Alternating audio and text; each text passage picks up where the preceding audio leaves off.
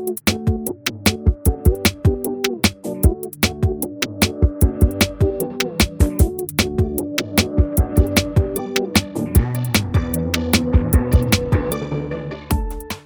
လုံးပဲမင်္ဂလာပါရှင်ကျမနာမည်ကနတ်နေကြည်ညွန့်ပါ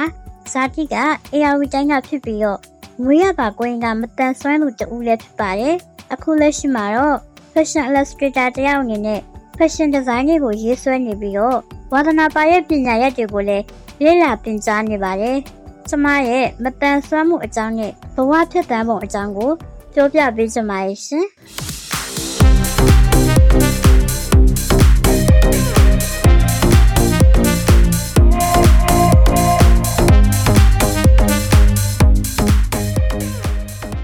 မင်္ဂလာပါခင်ဗျာ ရီမမောပေါ့ပပရဲ့အပတ်စဉ်ဗုဒ္ဓဟူးနေ့တိုင်းမှာတင်ဆက်နေကြဖြစ်တဲ့တက်သစ္စာလူငယ်ကဏ္ဍကနေကြိုဆိုလိုက်ပါတယ်ဒီ podcast ကတော့မြမလူမှုနယ်ပယ်ကစိတ်အားတက်ကြွပွဲဇလန်းအစုံကိုအများသူငါကိုပတန်ဆွမ်းမှုအသိပညာမြင့်တင်ပေးဖို့အတွက်လွတ်လပ်တဲ့တွေးခေါ်ဆင်ခြင်နိုင်မှုတွေနဲ့အတူမျှဝေလိုချသူတွေရဲ့အတန်တွေကိုပြုစုပြောထောင်ဖို့တည်ထောင်ထားခြင်းဖြစ်ပါတယ်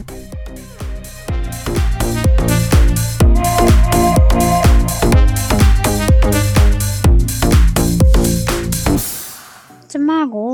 မွေးမွေးပြီးချင်းမှာပဲပေါင်တိတ်ကပြုတ်သွားခဲ့ပါတယ်။ခုနှစ်ရက်ပြည့်တော့ဆေးရုံမှာဆေးကုသမှုခံယူခဲ့ရပါတယ်။အဲ့ထဲကဆရာဝန်ကကျမမှာအယိုးကျဆက်တဲ့ယောဂရှိရဲလို့ပြောခဲ့ပါတယ်။ငယ်ငယ်လေးကစော့တယ်ချော်လဲတယ်ပြုတ်ကြတယ်ဆိုတာနဲ့ကျမအယိုးတွေကကျိုးတော့တာပါပဲ။အယိုးခဏခဏကျိုးတဲ့အတွက်ကျမကလမ်းလျှောက်ရမှာကိုကြောက်ခဲ့ပါတယ်။ကျမအသက်9နှစ်အရွယ်ရောက်တော့ခြေောက်တွေခွဲစိတ်ကုသဖို့အတွက် ရန်ကုန်ကိုတွားခဲ့ရပါတယ်။ရန်ကုန်ရောက်တော့ဆရာဝန်ကခြေောက်တွေကိုစမ်းသပ်ပါတယ်။စတီးချောင်းခဲ့ပြီးတော့ခွဲစိတ်ကုသရမယ်လို့လည်းပြောခဲ့ပါတယ်။ဆရာဝန်က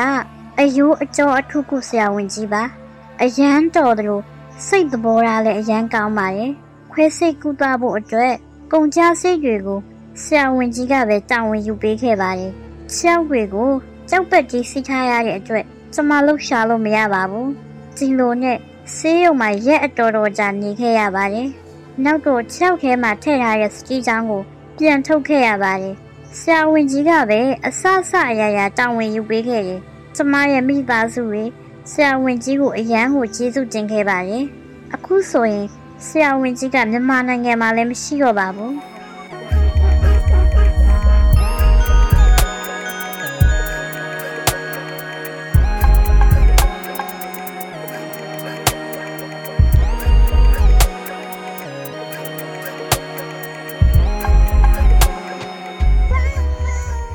ကျမအယိုးခဏခဏကျိုးတဲ့အတွက်လမ်းလျှောက်ရမှာကိုကြောက်ခဲ့ပါတယ်။ဒါကြောင့်အကူကရွေရာလက်တုံလဲကိုအသုံးပြုပြီးလမ်းလျှောက်ခဲ့ပါတယ်။ကျမအသုံးပြုရဲ့အကူကရွေရာကအရှိမဘိန်းနဲ့ဘိန်းပါပြီးတော့လက်နဲ့ကျုံးသွားရတဲ့ကရွေရာပါ။အဲ့ဒီအရာကိုကျမတို့ကလက်တုံလဲလို့လည်းခေါ်ပါတယ်။အဲ့ဒီအရာနဲ့လမ်းလျှောက်ရင်ကျမဘယ်တော့မှချော့မလဲဘူးပါဘူး။အရန်ဝေးရဲ့နေရာကြီးဆိုရင်တော့ကျမကဖီးချဲကိုအသုံးပြုရပါတယ်။ နောက်ပိုင်းမှာတော့ကျမအယိုးကျိုးတာတွေကလုံးဝကိုရက်ကြံသွားခဲ့ပါတယ်။ဒါပေမဲ့နည်းနည်းပပနာကျင်လာတော့တော့ရှိပါတယ်။ကျောင်းနေရမယ့်အရွယ်ရောက်တော့သူငယ်တန်းကနေပြီးတော့ခုနှစ်တန်းအထိကိုကျမတို့ရွာကကျောင်းမှာပဲတက်ခဲ့ပါတယ်။သူငယ်တန်းတက်ရမယ့်အချိန်မှာကျောင်းသွားဖို့အတွက်ကျမကိုမိဘတွေကစိတ်မချခဲ့ပါဘူး။ဒါကြောင့်မို့လို့ကျောင်းမှာစာပင်နေတဲ့ဆရာမကိုကျမစီမှာစာလာဝင်ပင်ပေးဖို့အတွက်အကူအညီတောင်းခဲ့ပါတယ်။ ဆီယာမကလည်းကျောင်းက3နိုင်ဆင်းနေဆိုရင်2နိုင်လို့လောက်ကြိုဆင်းပြီးတော့ကျမစီမှာစာလာဝင်ပင်ပေးလို့ရှိပါတယ်ဒီလိုနဲ့ကျမသူငယ်တန်းကိုအိမ်မှာပဲတက်ခဲ့ပါတယ်တဒန်းရောက်တော့ဆီယာမကအိမ်ကနေစာပင်လို့မရတော့ဘူးခလေးကိုကျောင်းကိုပို့ရမယ်လို့ပြောခဲ့ပါတယ်ဒီလိုနဲ့ကျမတဒန်းမှာကျောင်းကိုစတက်ခဲ့ပါတယ်ခုနှစ်တန်းထိရွာကကျောင်းမှာပဲတက်ခဲ့ပါတယ် ရှစ်တန်းရောက်တော့ကျမတို့ရွာမှာကရှစ်တန်းကျောင်းမရှိပါဘူးတခြားမြို့မှာသွားတက်ရမှာပါကျမမိဘတွေကလည်းကျောင်းမထားဖို့အတွက်ဆုံးဖြတ်ခဲ့ကြပါတယ်အရန်ဝေးရရဲ့ကျမကိုစိတ်မချရတဲ့အတွက်ကြောင့်ပါကျမကလည်းကျောင်းကိုအရန်တက်ချင်ခဲ့တယ်မိဘတွေကိုရအောင်ပြောခဲ့ပါတယ်နောက်ဆုံးတော့မိဘတွေကကျောင်းထားဖို့အတွက်သဘောတူခဲ့ကြပါတယ်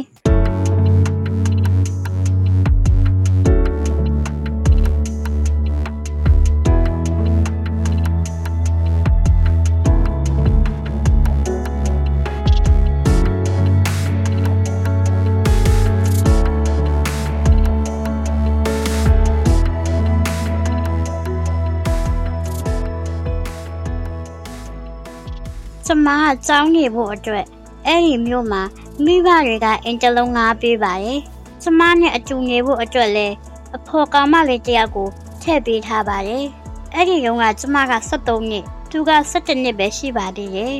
အဲ့ဒီအိမ်ကြီးမှာကျမတို့နှစ်ယောက်တည်းအတူနေပါတယ်မနေ့ဆိုကျမကကြောင်းသွားဖို့အတွက်ပြင်ဆင်ပြီးစိုက်ကားသမားကကျမကိုကြောင်းသွားပြန်လိုက်ပို့ပေးပါတယ်သူကလှုပ်ရှားရှိရဲ့အလုပ်တွေကိုလုပ်ပြီးကျမကြောင်းပြန်လာရင်စားဖို့အတွက် နေ့လယ်စာကိုပြင်ဆင်ထားပါတယ်။ကျမတို့နှစ်ယောက်အတွက်အလွယ်ဆုံးဟင်းလျာကိုပြောပါဆိုရင်ကြက်ဥကြော်ပါ။အိမ်ကတပတ်နေမှတစ်ခါနှစ်ပတ်ကိုတစ်ခါဟင်းတွေလူကြုံနဲ့ထည့်ပေးလို့ရှိပါတယ်။အိမ်ကပူးရဲ့ဟင်းတွေကုန်သွားတဲ့အချိန်ဆိုကျမတို့ရဲ့ကြက်ဥကြော်စားပါတယ်။ကျမကလည်းဆိုင်ကဟင်းတွေစားရမှာကိုမကြိုက်ပါဘူး။ကျမစာချက်ပြီးလို့အားနေတဲ့အချိန်တွေဆိုသူနဲ့စကားထိုင်ပြောလေးရှိပါတယ်။ တခါတလေကျမအဆင်မပြေတဲ့အကြောင်းတွေဘလောက်ပဲခက်ခဲနေပါစေကျမလိုချင်တဲ့နေရာကိုရအောင်သွားမယ်ဆိုတဲ့အကြောင်းတွေသူ့ကိုပြောပြဖြစ်ပါရဲ့။သူကလည်းဘာမှနားမလဲပဲကျမပြောတာတွေကိုနားထောင်ပေးပါတယ်။ကျမအရန်စိတ်ညစ်ရတဲ့အချိန်လည်းရှိခဲ့ပါတယ်။အဲ့ဒါကကြောင်းဖို့ကြောင်းကြိုလုပ်တဲ့စိတ်ကအချိန်မမှန်တာပါပဲ။အဲ့ဒီအချိန်လေးဆိုရင်ကျမအရန်ကိုစိတ်ပြက်ခဲ့ရပါတယ်။ဆယ်တန်းရောက်တော့အိမ်ကနေပဲကြောင်းပြန်တက်ခဲ့ပါရဲ့ အဖေနဲ့အကူက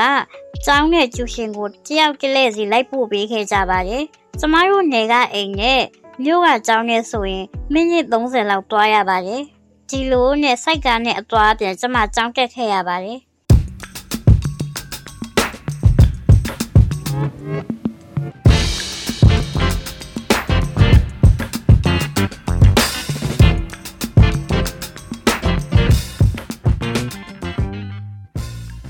မနဲ့အမဝင်းဝက်တယောက်နဲ့ကအသက်နှစ်နှစ်လောက်กว่าပါတယ်။ညရပြီးကြောင်ပိတ်ရက်ဆိုကျမတို့နှစ်ယောက်ကရေဒီယိုအမြဲနားထောင်လေးရှိပါတယ်။သူကကျမအိမ်ကိုလာတိုင်းသူ့ရဲ့ရေဒီယိုကိုယူလာပါတယ်။ကျမတို့နှစ်ယောက်အကြိုက်တူရဲ့အစီအစဉ်တစ်ခုရှိပါတယ်။အဲ့ဒါကဦးစောမင်းနောင်ရဲ့ပြုံးမကေတာအစီအစဉ်ပါ။အရန်ရှိရတဲ့အတွက်ကျမတို့ညီမနှစ်ယောက်အရန်ကြိုက်ခဲ့ကြပါတယ်။နောက်ပြီးကျမတို့ညီမနှစ်ယောက်ကဝှချုရေးရတာလဲဝါသနာပါပါတယ်။ ရေးပြီးသားဝတ္ထုတွေကိုတယောက်တလဲလဲဖက်လေးရှိပါတယ်။ရေးသားထားတဲ့ဝတ္ထုကိုဘယ်နေရာမှာဘယ်အနောင်စာကိုတရုပ်ဆောင်ခိုင်းမယ်ဆိုပြီးတော့လေစိတ်ကူးရရင်ခဲ့ကြပါသေးတယ်။အချိန်တွေကြာလာတော့ကျမတို့လည်းမတွေ့ဖြစ်ကြတော့ပါဘူး။ရေဒီယိုလည်းနားမထောင်ဖြစ်ကြတော့ပါဘူး။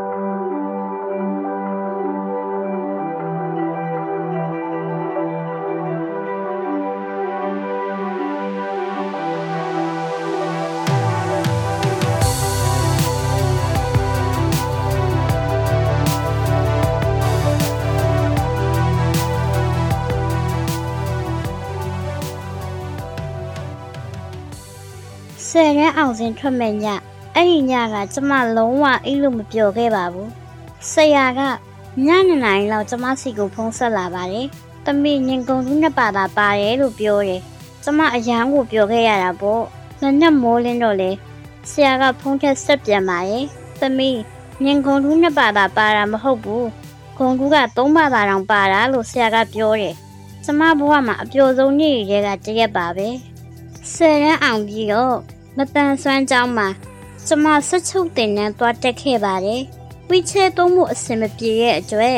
ကျမအသုံးပြုနေကြအခုကိုရီးယားလက်တုံးလဲကိုပဲအသုံးပြုခဲ့ပါတယ်။တင်တန်းနဲ့အဆောင်ကအနှဲငယ်တော့ဝေးပါတယ်။ကျမကလမ်းလျှောက်တာနေရဲ့အတွက်တင်တန်းကိုရောက်ဖို့အဆောင်ကနေစောစောထွက်ရပါတယ်။မိုးရဲ့အရန်ရွာရင်တင်တန်းချောင်းကိုသွားရတာတိတ်အစင်တော့မပြေပါဘူး။နောက်ဆုံးမှတော့ ကျမပင်နဲ့3လကိုပြီးမြအောင်တက်နိုင်ခဲ့ပါတယ်။တက္ကသိုလ်တက်တော့အကိုကကျမကိုဆိုင်ကယ်နဲ့ကျောင်းလိုက်ပို့ပေးပါတယ်။လူတွေအများကြီးရှိတဲ့နေရာကိုသွားရမှာအရန်ကြောက်ခဲ့ပါတယ်။မုတ်ဆိုင်မှာမုတ်စားရင်တော့လူအများကြီးရှိတဲ့နေရာမှာမစားဘူးနော်လို့အကိုကိုပြောခဲ့ပါတယ်။အကိုကလည်းတေးချရဲ့လူမရှိရင်အဲ့ဒီဆိုင်ကအစားပမကောင်းလို့ဘောလို့ပြန်ပြောခဲ့ပါတယ်။ကျမကိုလူတွေကိုမကြောက်ဖို့နဲ့ လူအများကြီးရှိတဲ့နေရာ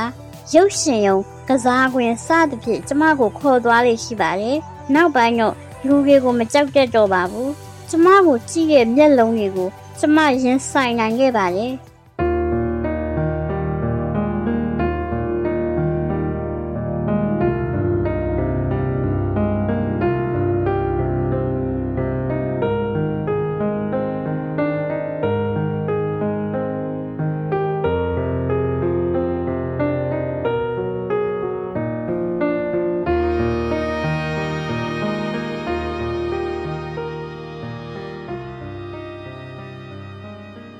ငယ်ဘွားအိမ်မက်တွေကအများကြီးရှိခဲ့ပါတယ်ငငယ်လေးကပုံဆွဲရတာကိုကျမအယမ်းဝဒနာပါခဲ့ပါတယ်ကျောင်းတက်တုန်းကဆိုစားအုပ်အဖုံးတွေမှာကျမပုံဆွဲလေးရှိပါတယ်လက်ထဲမှာခဲရံနဲ့စာရွက်ရှိရနဲ့ကျမပုံဆွဲတော့တာပါပဲရှစ်တန်းလာရောက်တော့အိမ်မက်တွေကပြောင်းခဲ့ပါတယ် TV ကလာတဲ့ fashion show တွေကိုကြည့်ပြီးတော့ကျမ fashion designer ကြောင့်ဖြစ်စင်ခဲ့ပါတယ်မြန်မာနိုင်ငံမှာလုပ်တဲ့ fashion show တွေရော နိုင်ငံခြားမှာလုပ်တဲ့ fashion show တွေကို TV ကနေကျမအမြဲကြည့်ဖြစ်ပါတယ် show တွေကြည့်တိုင်းလေ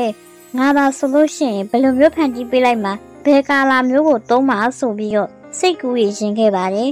နောက်ပိုင်းတော့ကျမကပကြီးပချံကိုလည်းတင်ပြီးတော့ fashion ဘိုင်းကိုလည်းလေ့လာပြခဲ့ပါတယ်ကိုဗစ်ကာလကျောင်းသားထားရတဲ့အတွက် online ကနေပြီးတော့ fashion illustration club ကိုကျမတက်ခဲ့ပါတယ်နောက်ပိုင်းတော့ကျမလိုချင်တဲ့ design ပုံစံတွေကို ဆွဲလာနိုင်ခဲ့ပါတယ် Facebook မှာ fashion illustration scholarship online class ခေါ်တာနဲ့ကျမဆွဲထားတဲ့ design ပုံတွေကိုပြပြီးရှောက်ခဲ့ပါတယ် scholarship ပါမယ်လို့လည်းကျမမထင်ခဲ့ပါဘူးဒါပေမဲ့ပါခဲ့ပါတယ်တင်ပေးရဲ့ဆရာမကအိန္ဒိယနိုင်ငံကဆရာမဖြစ်ပြီးတော့သူကမြန်မာစကားမပြောတတ်ပါဘူးတခြားနိုင်ငံကကျောင်းသားတွေလည်းပါပါတယ်ကိုနဲ့ဝါသနာတူတဲ့လူတွေနဲ့တွေ့ခွင့်ရတဲ့အတွက်ကျမအရန်ပဲဝမ်းသာခဲ့ရပါတယ် ကျမကနေကဖြစ်တဲ့အတွက်အင်တာနက်လိုင်းတွေကလည်းမကောင်းပါဘူးဒါကြောင့်အင်တာနက်လိုင်းကောင်းတဲ့နေရာတွေကိုရွှေ့ပြီးတော့တင်ခဲ့ရပါတယ်အခက်အခဲတွေအများကြီးကြားတဲ့ကနောက်ဆုံးတော့သင်တန်းပြည့်ရဲ့အထိကျမတက်ရောက်နိုင်ခဲ့ပါတယ်။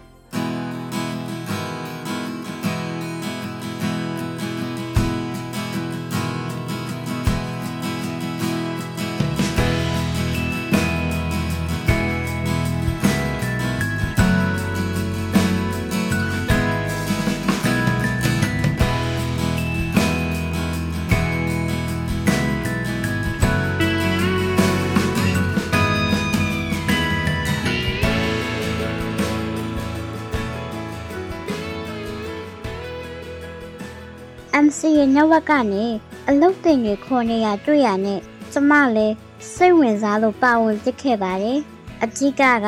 အယုံမပါပဲနဲ့ကိုယ့်ရဲ့အတန်နဲ့ပဲ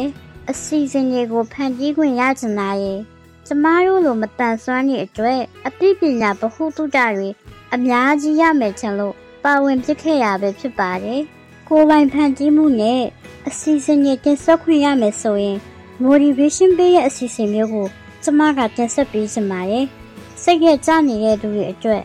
အိမ်မက်တွေကိုအကောင့်ထဲပေါ်ဖို့ကြောက်နေတဲ့သူတွေအတွက်ပါ။ကျမရဲ့အသိမိတ်ဆွေရဲ့မှာလည်းအဲ့လိုလိုတော်တော်များများကိုတွေ့နေရပါတယ်။ကျမတင်ဆက်ပေးမယ့်အစီအစဉ်တွေကိုနားထောင်ပြီးတော့စိတ်ရခွန်အားရရှိစေချင်ပါတယ်။ကျမရဲ့အကြောင်းဘဝဖြစ်တမ်းမှုတွေကို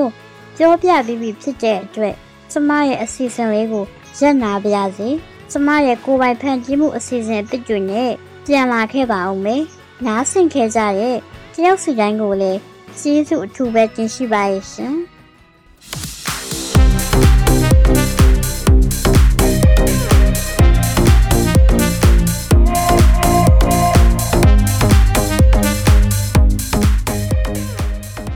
ကျွန်တော်တို့ရဲ့ရီမမောပေါ်ပပ pocket အစီအစဉ်မှာအလုတ်တင်အဖြစ်ဖန်တီးမှုမျိုးစုံကိုလက်စွမ်းပြလှုပ်ဆောင်ဖို့စိတ်ပါဝင်စားသူများအနေနဲ့ Google Form ကနေပြီးတော့မှမိမိတို့ရဲ့မှတ်ပုံတင်ရှေ့နောက်နဲ့အလှဓာတ်ပုံတစ်ပုံအပြင်နမူနာလက်ရာတစ်ခုနဲ့အမြန်ဆုံးရှောက်ထားကြဖို့ဖိတ်ခေါ်လိုက်ပါတယ်။နောက်တစ်ပတ်ဗုဒ္ဓဟူးနေ့မှာပြန်ဆောင်ကြရအောင်နော်။